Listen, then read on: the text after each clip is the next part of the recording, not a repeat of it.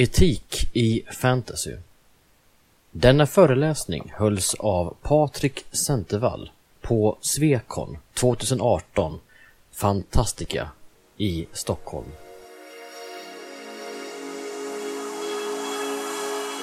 Svekon-poddar En poddradio från svenska science fiction och fantasykongresser.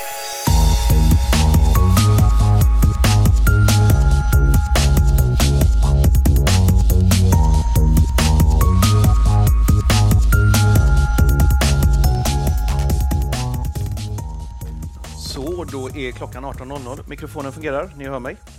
Så bra. Eh, om ni ska lyssna på föredraget om etik i fantasy så har ni kommit rätt. Jag heter Patrik Centervall, vilket ju står här också så att jag kommer ihåg det själv.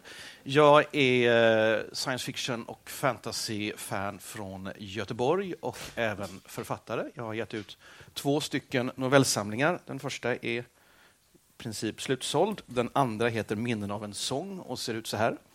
Eh, och sen så har jag nyligen kommit ut med en ungdomsfantasyroman som heter Klockan och spegeln och ser ut så här.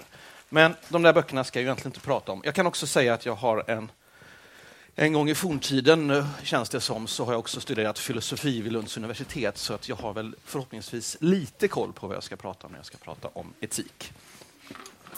Eh, och det hela kommer sig från en, eh, en krönika från början som fick mig att börja fundera på det här som jag läste som handlade om Game of Thrones. Och den här krönikan påstod att, att Game of Thrones skulle införa något nytt i fantasy och amerikanska storproduktioner när det gäller film och tv.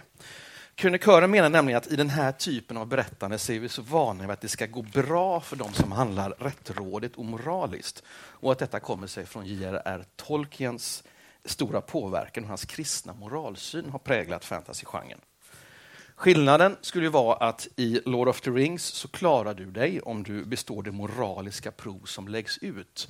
Ofta illustrerat genom frestelsen till den makt som kan ges av ringen.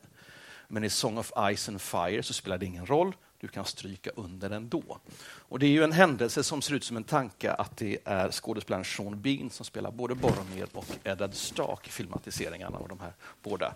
Eh, Boromir är ju trots allt den enda i ringens brödraskap som ju faktiskt faller för ringens frestelse och därmed också den enda i ringens brödraskap som inte överlever ringens krig.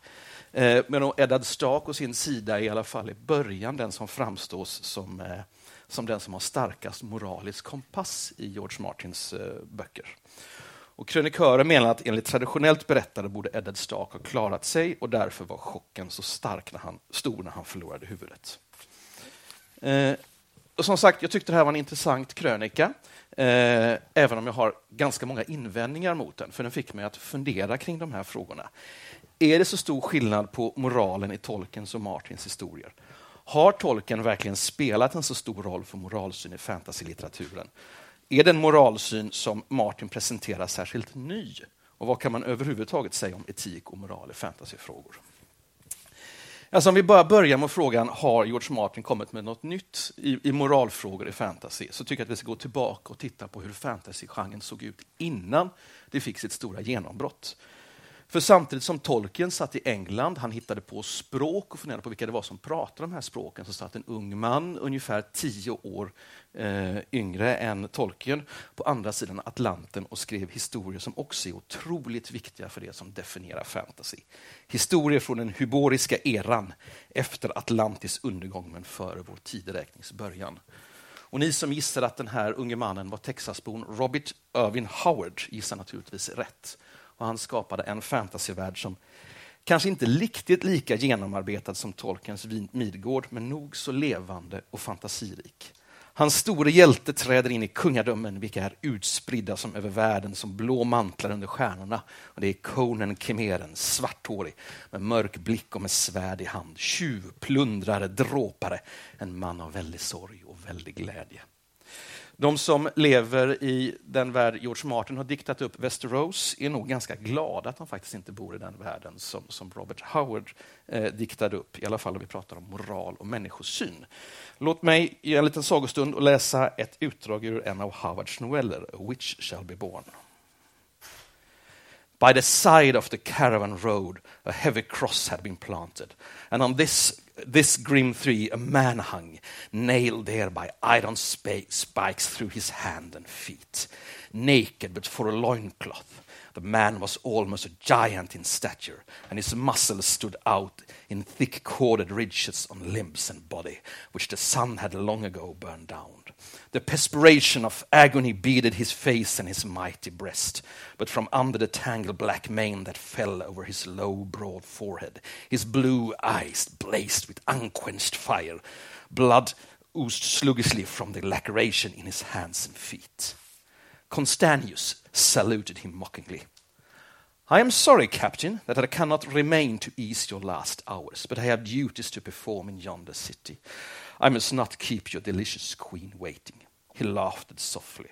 So I leave you to your own device and those beauties. He pointed meaningly at the black shadows which swept incessantly back and forth high above.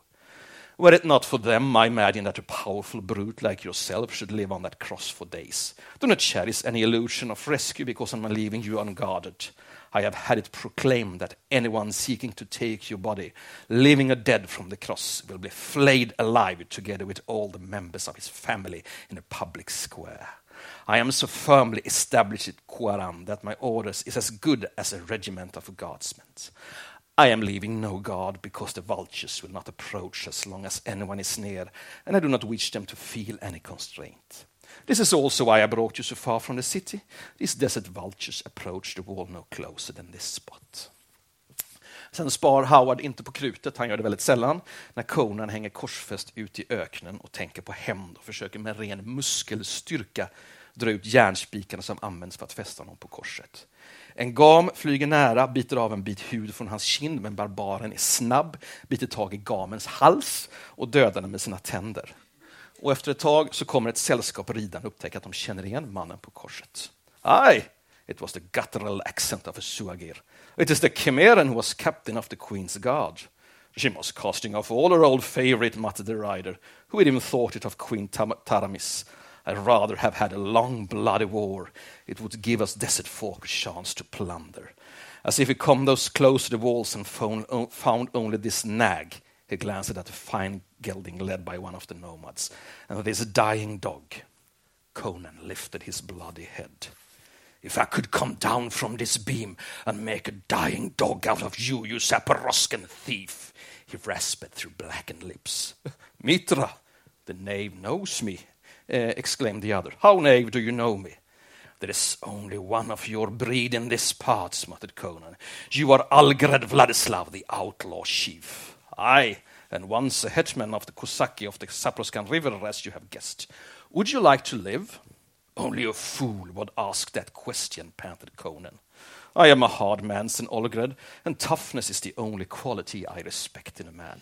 I shall judge if you are a man or only a dog after all, fit only to lie here and die. If we cut him down, we may be seen from the walls, objected one of the nomads. Olgred shook his head. The dusk is deep. Here, take this axe, Jebel, and cut down the cross at the base. If it fall forwards, it will crush him, objected Jebel.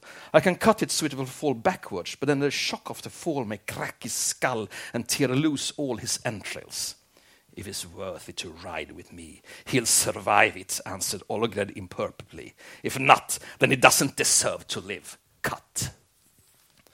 Conans äventyr utspelar sig i en värld där den starkaste överlever, där inte det spelar någon roll om du har valt rätt, utan det som spelar någon roll är om du har tur eller god hand med ditt svärd. Conan själv har en moralkodex kodex som är brutal, men han har ändå någon sorts heder, en barbars heder. Han har inga problem att mörda och stjäla, men han är ärlig, skulle aldrig bryta sitt ord eller döda en obeväpnad, och han tackar nej till att mörda för pengar. Men Conan är ju en barbar i en barbarisk värld. Och enligt Howard så var det också så att barbarer och vildar alltid kommer vara det som styr världen. Civilisation, det är en parentes. Och även om Howards historia fortfarande är läst och populära så är det kanske ändå en världsbild som är lite svår att smälta. För visst är Tolkiens värld lite tryggare och varmare. Det är det svart mot vitt, ont mot gott. Den som väljer rätt klarar sig i ondskan faller till slut. Eller är det så? Alltså, om man tittar närmare på tolken så kan man mycket väl börja frågasätta det. De som kallar det onda, det är de som protesterar mot och försöker bryta rådande maktstruktur. Det så kallade goda manipulerar Midgårds folk genom att anse sig med blodets rätt vara för mer än andra. Mm. Nåja, men innan vi går vidare så kanske ska stanna upp ett tag och komma överens om vad vi pratar om när vi pratar om etik och moral. Först kanske bara säga någonting om begreppen. Om man vill göra det enkelt för sig så brukar man säga att etik och moral är samma sak. Moral är det latinska ordet, etik det grekiska. Men det stämmer egentligen inte riktigt. Om vi ska gå in på djupet så är det så att moral, det är själva handlingen, förståelse inför vad som exempelvis är rätt eller fel, förståelsen över regler och principer. Medan etik, det är studiet av moraliska fenomen. Och då kan man ändå konstatera att det här föredraget har fått rätt titel genom att heta Etik i fantasy, eftersom vi studerar moraliska fenomen just nu. Och grundläggande så handlar det som sagt rätt och fel, gott och ont, vad vi bör eller inte bör göra när vi lever våra liv. Och vi ställs hela tiden inför etiska frågor av olika slag. Och Det finns många ingångar i det här. Alltså allt från att undersöka vilken moral som är den rätta till att fråga sig vad som avgör om en handling är moraliskt korrekt. Det vill säga, är det exempelvis plikten eller handlingen som är eftersträvansvärda? Är det fel att ljuga på grund av konsekvenserna av en lögn eller är det fel att ljuga för det helt enkelt är fel att ljuga? Och kanske viktigast, kan en moralisk värdering vara objektivt giltig? Alltså kan vi verkligen säga att det är lika sant att det är fel att ljuga som det är sant att säga att jorden är rund? Och om vi då hävdar att det verkligen finns moraliska värderingar som är sanna eller möjligtvis rätta, så är nästa fråga då, vad gör de rätta? Är det någonting som vi tillsammans avgör? Eller finns det någonting som står ovanför oss, det vill säga Gud, som har bestämt vad som är rätt och fel? Och det här är frågor som är väldigt intressanta i vår egen vardag, i det, liv vi lever, men som får en extra ägg när vi ser på det i fantasylitteratur, där det går att ställa många frågor till sin spets och där moralfrågor passar väldigt bra att dyka in i. Fantasy gör ju ändå det, det omöjliga möjligt. Harlan Ellison exemplifierar det väldigt väl hur man kan lyfta moraliska frågeställningar i en kort novell som heter Hitler Painted Roses. I den här novellen öppnas dörren till helvetet för en kort sekund och alla syndare passar på att rymma, alla utom Hitler som har blivit jättenöjd med sin tillvaro att måla rosor på väggarna i helvetet. Och Alltså om man tänker på det här så är det nästan en stötande tanke att en av världens största förbrytare finner frid i helvetet genom att utöva sin hobby. Men då är det ändå bara en liten detalj i en novell som egentligen handlar om att Gud dömer lika omdömeslöst som vi människor. Det fantasyförfattaren gör är att skapa en sekundärvärld som vi läsare kan ta del av. En värld där det finns andra sanningar än i vår egen. En värld där författaren har total frihet att skapa varelser, miljöer och naturlagar som är skilda från vår. Det ställer höga krav på den som berättar fantasyhistorier. Å andra sidan så finns det också otroliga möjligheter.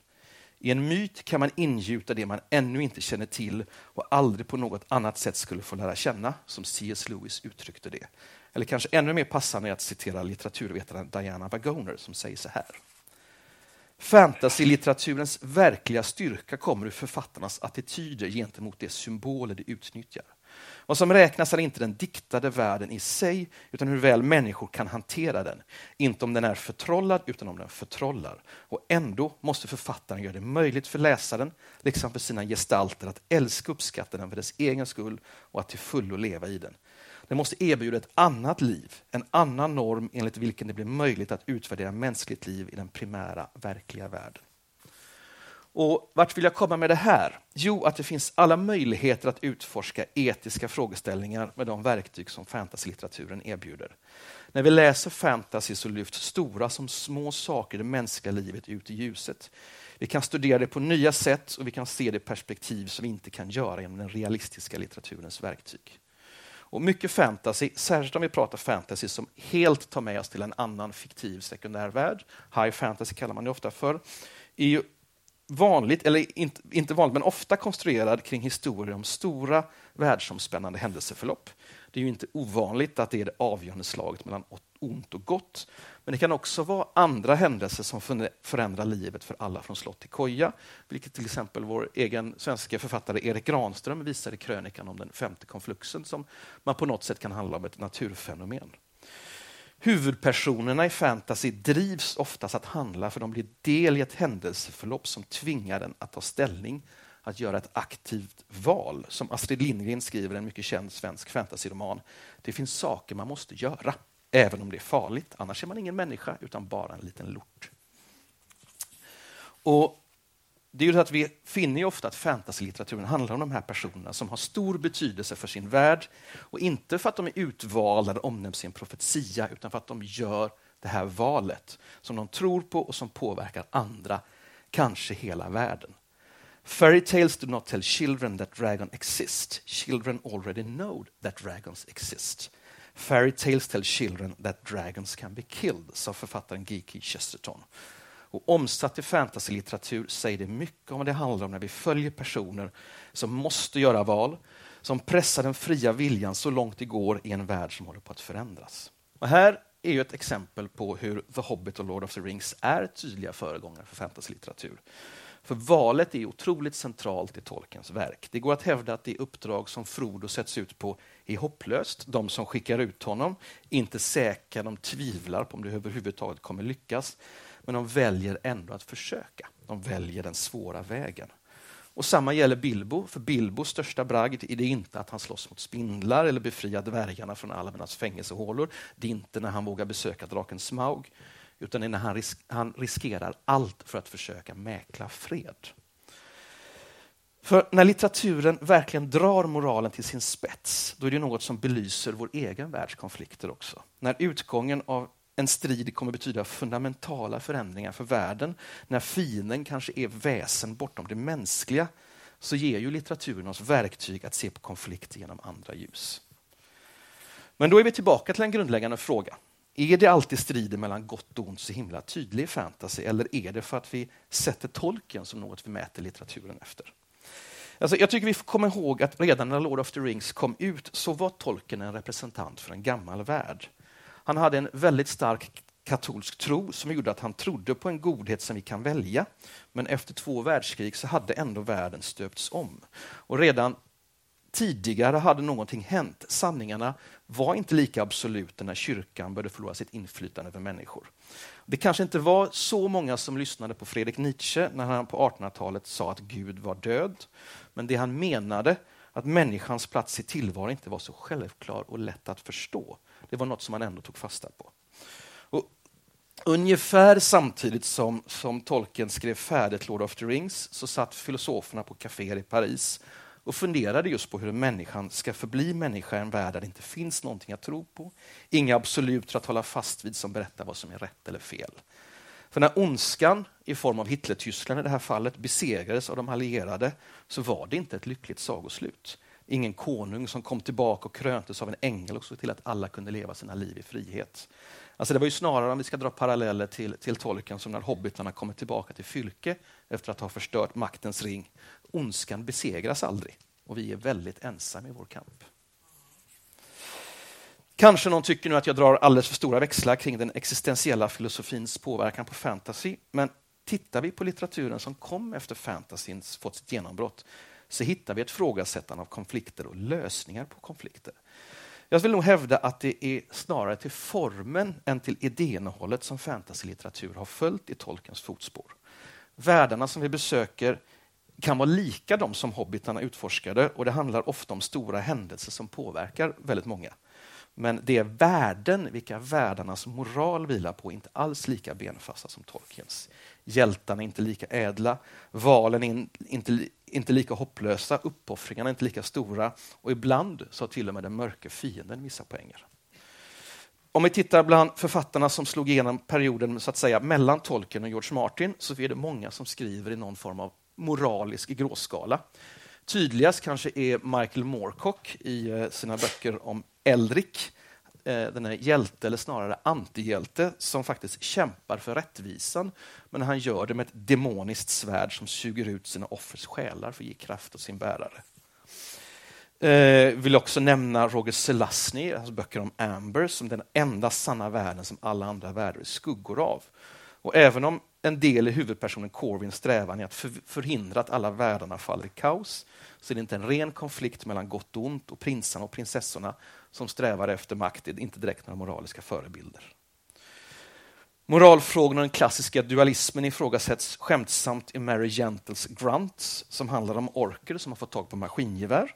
Och den ställer de flesta klichéerna på sin spets på ett sätt som i alla fall jag tycker är väldigt underhållande.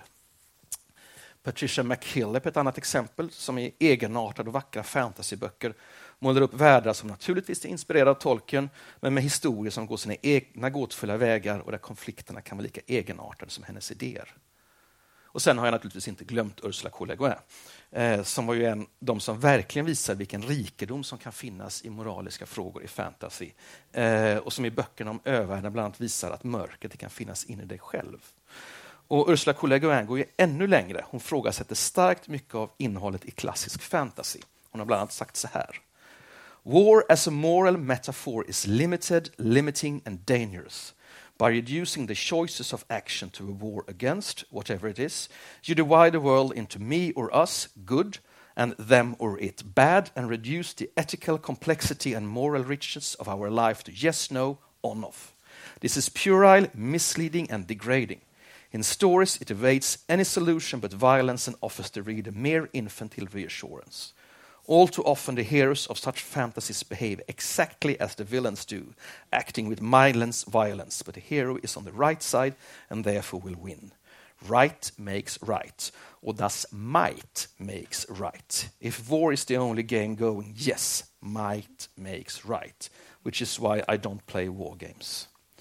Och listan på de här författarna eh, kan göras väldigt lång. Jag tänker stanna upp vid ett verk här som är värt att titta lite extra på, nämligen Ted Williams epos Memory, Sorrow and Thorn. Dels för att det i mångt och mycket är en uttalad kommentar till Tolkien, men också för att det var den här bokserien som fick George Martin att tänka ah, jag kanske ska skriva fantasy istället för science fiction. Eh, och Det mest talande i Williams serie är att de klassiskt goda och onda varelserna är samma folkslag. De godas härskare drar felaktiga slutsatser och motsvarigheten till mörkrets herre har rimligt skäl för citat. John Henry Holmberg skriver så här i sin bok om fantasy. Ett bärande motiv i Memory, Sorrow and Thorn är avsaknaden av moraliska absoluter. Det finns inget fullständigt gott, lika lite som det finns något fullständigt ont. Och till och med en magisk värld är det goda något som man bara efter bästa förmåga kan sträva till, men knappast fullt ut uppnå. Lika viktig är Williams genomgående försök att visa på mytens och historiens relativism. Vad människor minns och vad som verkligen skett är två olika ting och det som är ena folkets eller landets sanning är det andras lögn. Och vi pratar lite om, här om gråskal, och så kanske man frågar sig om det finns böcker som berättas ur den förmodade onda sidans perspektiv. Och jag har ju nämnt Grunts av Mary Gentle. Det finns andra. Det finns The Black Company of Glenn Cook som handlar om legoknektar som vet om att de slåss för den onda sidan. I am haunted by the lady's laughter. I am haunted by my suspicion that we are furthering the cause of something that deserves to be scrubbed from the face of the earth. I am haunted by the conviction that those spent upon the lady's eradication are a little better than she. Sen kan man kanske fråga sig varför vill man berätta ur ondskans perspektiv? Och det finns ju många anledningar till det. Ett kan vara att jag tycker det är intressant när det goda blir tråkigt och förutsägbart, ouppnåeligt och alltför uppfostrande. Poeten W.H. Auden lär ha sagt att Guds tio budord är en beskrivning av människors naturliga beteende, men någon har bara lagt till du ska icke. Eh, och det kanske är så att om fantasylitteraturen väljer att bara upprepa striden mellan gott och ont, då blir det som den franska filosofen Simone Weil uttryckte. Uppdiktad ondska romantiskt och varierande. Verklig ondska nedslående, monoton, andefattig och tråkig. Uppdiktad godhet är tråkig, verklig godhet är alltid ny, underbar, berusande. Därför är spekulativ fiktion antingen tråkig eller omoralisk, eller båda. Och bara när det tar sig över till den här sidan av verkligheten eh, genom konstens makt kan den spekulativa litteraturen bryta sig ut från detta. Och det kan bara genier göra. Eh, jag håller inte med Simone Weil. Jag tycker hon förenklar det hela och vi har många exempel på ondska i litteratur som är ganska tråkig och monoton, där mörkrets första princip beter sig som ett bortskämt barn som inte får det han eller hon vill ha och bara försöker förstöra för andra. Men visst, Simone Weil uttryckte ett geni, så därför vill jag be att återigen citera Ursula K. Le Guin. Det är många som tycker att det är intressant med ondska, men ondskan är bara banal. Det är godheten som är riktigt komplex, mångfacetterad och svårbeskrivbar. Och lycka. Jag älskar visserligen Tolstoj, men han har faktiskt fel i sin berömda inledning till Anna Karenina. Det är inte de olyckliga familjerna som skiljer sig åt, det är det lyckliga. Vi borde ägna mycket mer tid åt att utforska alla aspekter av lycka. Nå, med de här tankarna i bagaget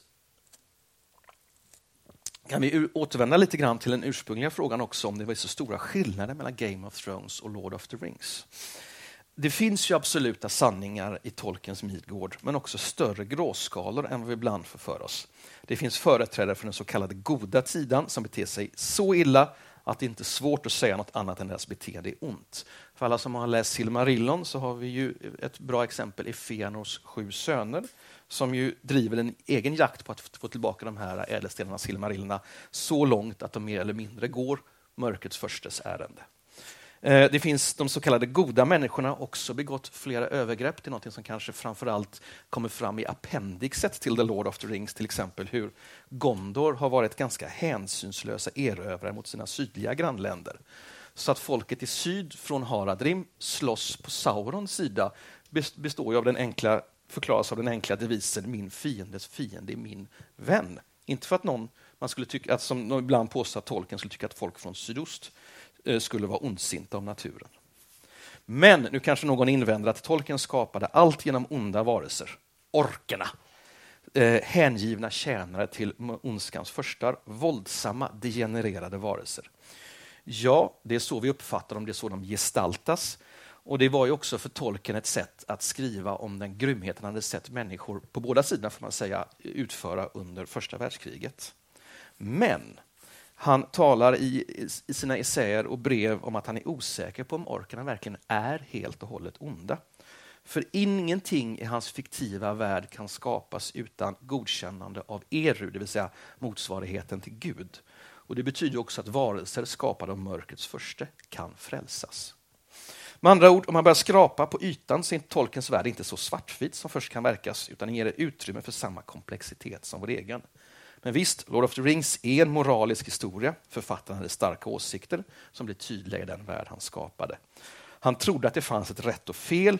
Och även om man kanske inte håller med om hans världsbild så finns det värme i det han diktade upp. Om vi tittar på närmare på The Song of Ice and Fire så märker vi att eh, det är inte en värld som är så nihilistisk som man först kan tro. Visst, det är sant att många av dem som försöker göra det rätta, som uppträder ädelt och inte tänker på egen vinning i första hand stryker med och möter ibland väldigt grymma öden. Men det gäller ju också för dem som är själviska och grymma. Och i, den, I en sån här värld som är så grym så kanske det inte spelar någon roll huruvida du är självisk eller försöker handla så att det ska gynna flertalet. Så kan man fråga sig om det är ens lönt att anstränga sig. Man kan fråga sig om moral överhuvudtaget är meningsfullt. Ja, det är ju snarare tvärtom. Det, det gör att det, det, blir ännu viktigare att handla rätt. Och De goda gärningarna som vi faktiskt ser i A Song of Ice and Fire är goda oavsett hur det går för personen som utför dem.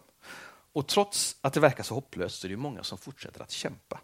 Och Det här tror jag är en, en stor anledning till att, att boken och framförallt tv-serien har blivit så populära. Att vi känner starkt för dem som försöker göra sitt bästa i en mörk värld. Och det kanske inte är så långt från Frodos till synes hopplösa Golgata-vandring genom Mordor till de olika personernas strävan i Song of Ice and Fire. Krönikören jag nämnde i början gjorde det lite för lätt för sig, vågar jag påstå. Och hade uppenbarligen inte funderat på att det är väldigt mycket som ryms, ryms inom fantasy-litteraturen. För fantasy är komplex och mångfacetterad. Det är ett utmärkt verktyg för att undersöka moral, för att lyfta frågor om ondska och godhet. Och det är ett verktyg för att belysa mänskligt beteende. Och Jag tycker dessutom att fantasylitteratur inte ska vara rädd för att göra det. Alltså jag välkomnar snarare än faktiskt ta ställning. Jag tycker om litteratur där en person som har funnits sedan tidernas begynnelse i gestalt av en gammal piprökande man med långt skägg förklarar vikten av medlidande och barmhärtighet. När hobbiten, som just fått reda på att han äger mörkrets förstes ring, också får reda på att en varelse vid namn Gollum har berättat för nämnde först om hobbitens namn och härkomst. But this is terrible, cried Frodo, far worse than I imagined from your hints and warning. O Gandalf, best of friends, what am I to do? For now I am really afraid. What am I to do? What a pity that Bilbo did not stab that wild creature when he had a chance. Pity. It was pity that stayed his hand. Pity and mercy, not to strike without need. And he has been well rewarded, Frodo. Be sure that I took so little hurt from the evil and escaped in the end because he began his ownership of the ring so, with pity. I am sorry, said Frodo, but I am frightened. I do not feel any pity for Gollum. You have not seen him, Gandalf broke in. No, and I do not want to, said Frodo. I can't understand you. Do you mean to say that you and the elves have let him live after all those horrible deeds? Now, at any rate, he's as bad as an orc and just an enemy. He deserves death. Deserves it? I dare say he does. Many that live deserves death, and many that die deserves life. Can you give it to them? Then be, do not be too eager to deal out death in judgment, for even the very wise cannot see all ends. I have not much hope that Gollum can be cured before he dies, but there is a chance of it, and he is bound up with the fate of the ring. My heart tells me that he has some part to play yet for good or ill before the end, and when that comes, the pity of Bilbo may rule the fate of many, yours not least. Tack så mycket.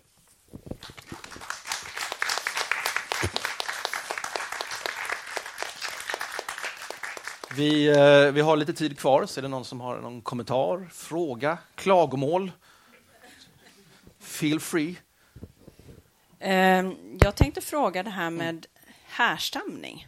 För det är ju ganska vanligt att det liksom är att man är antingen utvald, man har liksom någon profetia, det är ja, ätter, det är gudomlig ingripelse. Det finns många fantasier omkring detta. Tolken är väl kanske en av de få som jag känner till där det faktiskt är en slump. Alltså inte så att det är någon profetia tusentals år tillbaka som har sagt att han ska få den. Alltså det, det känns ändå lite slumpartat. Vad, vad har du för att säga om det?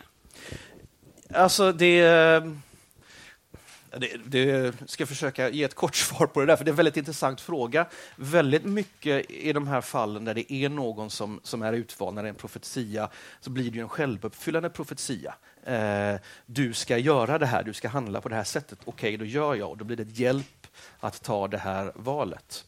Eh, och sen är det också det här när man liksom djupdyker ner i Tolkien så är det först visserligen en slump att Bilbo hittar ringen. Men Gandalf har liksom fått någon gudomlig eh, insikt att han måste ha med, det, det är någon liten text han har skrivit om det här, att Gandalf är övertygad om att jag måste ha med mig Bilbo på det här äventyret. Och sen när ringen lämnar Gollum för att Sauron kallar på den, så är det faktiskt något annat som gör att den inte går raka vägen till Sauron, utan den flyttas åt sig. Så därför gör det egentligen mer utvald Bilbo och Frodo än många andra eh, fantasyhistorier. Ja, jag tänkte hugga direkt på det där du sa att, eh, Ja, bra. Att Tolkien har skrivit någonting om eh, att eh, Gandalf hade någon gudomlig insikt och sådär. Eh, det är ju nämligen så att när Sagan om ringen började skrivas Det är så svårt att se dig. Jag flyttar på mig. Ja. När Sagan om ringen började skrivas så hade Tolkien bokstavligt talat ingen aning om vad den skulle handla om. Väldigt In, sant. Inte vem den skulle handla om och inte vilken roll som ringen skulle ha. Mm. Så det där låter lite som en efterkonstruktion från Tolkiens sida och det kanske man ska se upp med. Det, det, är helt, det är en väldigt bra eh, symbol. Det är helt riktigt. Det är verkligen en efterhandskonstruktion. Och han la ju liksom till väldigt mycket i sin värld. Och jag skulle faktiskt öka på det där. Eh, I den ursprungliga versionen av Bilbo, första utgåvan, så får, alltså, jag har för mig att han hittar ringen, men han ska få den av Gollum om han klarar av, eh, vinner gåttävlingen. Så, att, så visst, det, men sen kan jag tycka att i den fiktiva världen så kan det, blir det ju sant ändå när det byggs på senare. En författare har ju rätt att, så att säga, ändra på sin värld och, och, och göra den och, och gå in och fundera över den, så att säga. Eh, ja, jag vill bara ta tillbaka samtalet till hur du avslutade tack. ditt, ditt föredrag. Eh, jag tycker det var ett väldigt intressant sätt att avsluta det med tanke på att i slutändan så misslyckas ju faktiskt Frodo med sitt uppdrag. Och man skulle kunna se det som att det är ju på grund av den barmhärtighet som han har visat Gollum som Gud på något sätt ändå låter Gollum vara någon typ av is- instrument för Frodo att ändå lyckas med sitt uppdrag. Ja. Absolut. Det, citatet är, är, är, väldigt, alltså det är väldigt centralt för hela, hela boken. Hmm. Jag har inget mer att säga. Bra anmärkning.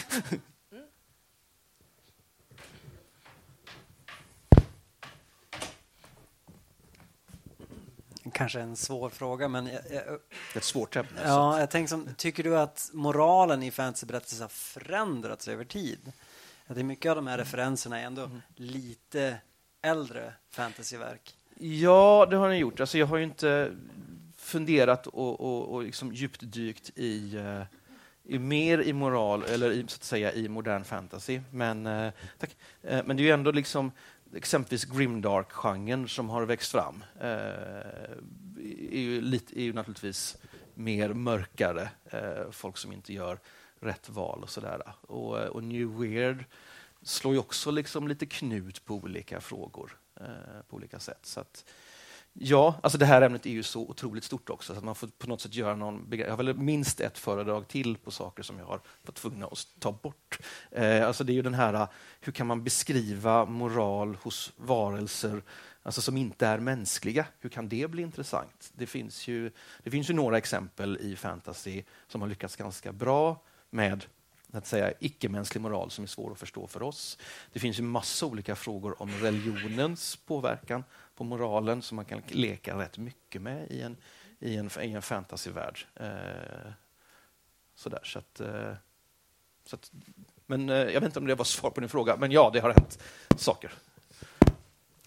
Jag tycker man hör ibland att eh, berättelser blir sämre och man har någon sorts agenda så här, mm. man vill driva. För jag hörde det senast idag faktiskt, mm. någon som sa det. Eh, men jag uppfattar dig som att du inte håller med där riktigt. Att det, att det är bättre eller mm. missuppfattar jag det då? Är det bättre att man har liksom någon sorts etisk kompass som man gärna vill föra fram? Eller vad säger du, säger du om det? Alltså jag, jag, tycker inte att om litteratur har en agenda, om det gör den bra eller dåligt, utan jag snarare hur den agendan uttrycks i boken.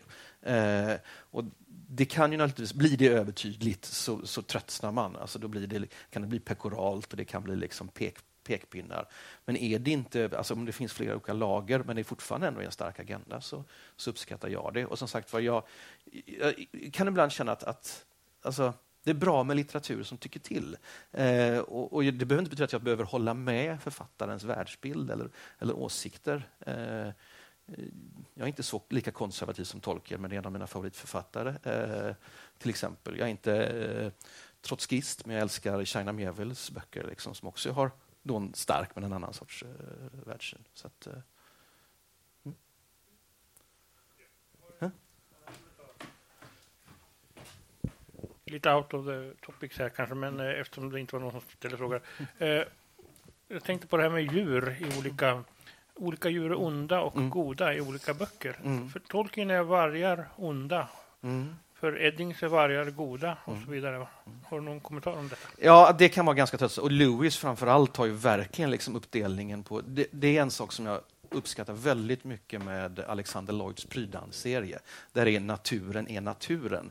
Och, och, och det slutar med dessutom att, att hela naturen går emot Aravn sorry Aram, jag sitter Aram från Tolkien-sällskapet nämligen, går ju ändå emot mot mörkrets första för att han vill förstöra hela världen. Eh, och det, det, påverkar också. Alltså, då är vargar är rovdjur, men de vill inte att sin värld ska bli förstörd. Eh.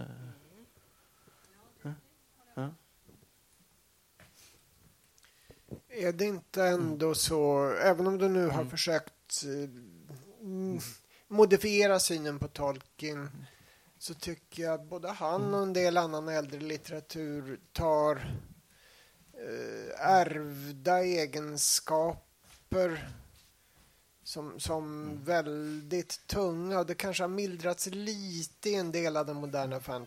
Nu, nu är ju Le Guin en, en sak för mm. sig. Alltså, mm. hon, hon bryter mot väldigt mycket annat och på ett mycket genomtänkt sätt och har en existentialistisk grundsyn. Men, men ändå det här äh, att du är född så, alltså det du är född till ger äh, väldigt mycket av ramarna för vad du kan göra. Oh ja, oh ja. Att det kanske är lite mindre av det idag ändå än, än vad det har varit. Ja, eh, absolut. Och jag vill bara eh, förtydliga där kanske att för mig, det är inte så att jag tar udden ur den biten, utan när det gäller också tolken som är ganska komplexa ganska mycket, så har jag liksom valt några saker att belysa. Men visst, det, det, han har ju ett närmast rastänkande. Blodet har en makt. Och nu pratar vi liksom människor, olika sorters människor är bättre eller sämre. Eh, det är väldigt mycket ärvd, alltså det är ärvd kungamakt eh, och liknande saker. Men det, och det är också som jag sa, att det är en gammal världsbild som han är representant för.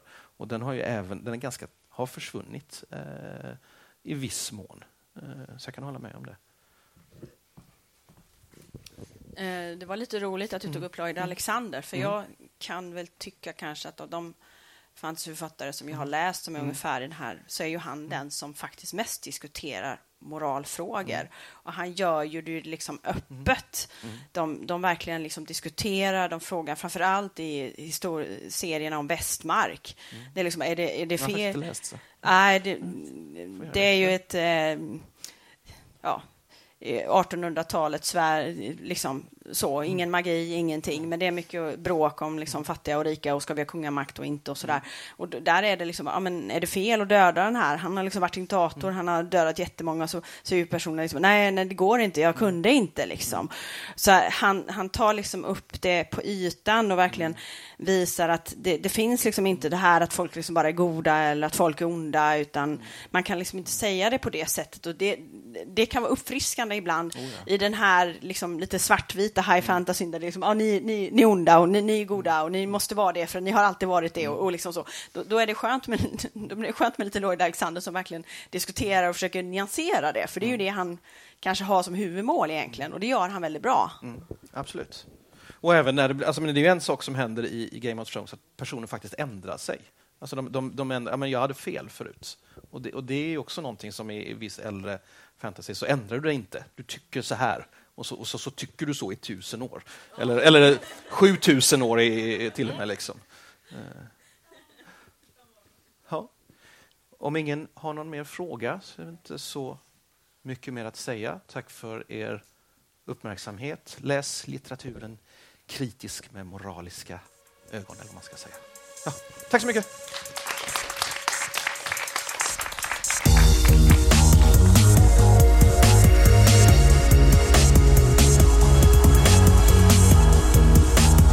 Musiken av Psychedelic Pedestrian från Free Music Archive.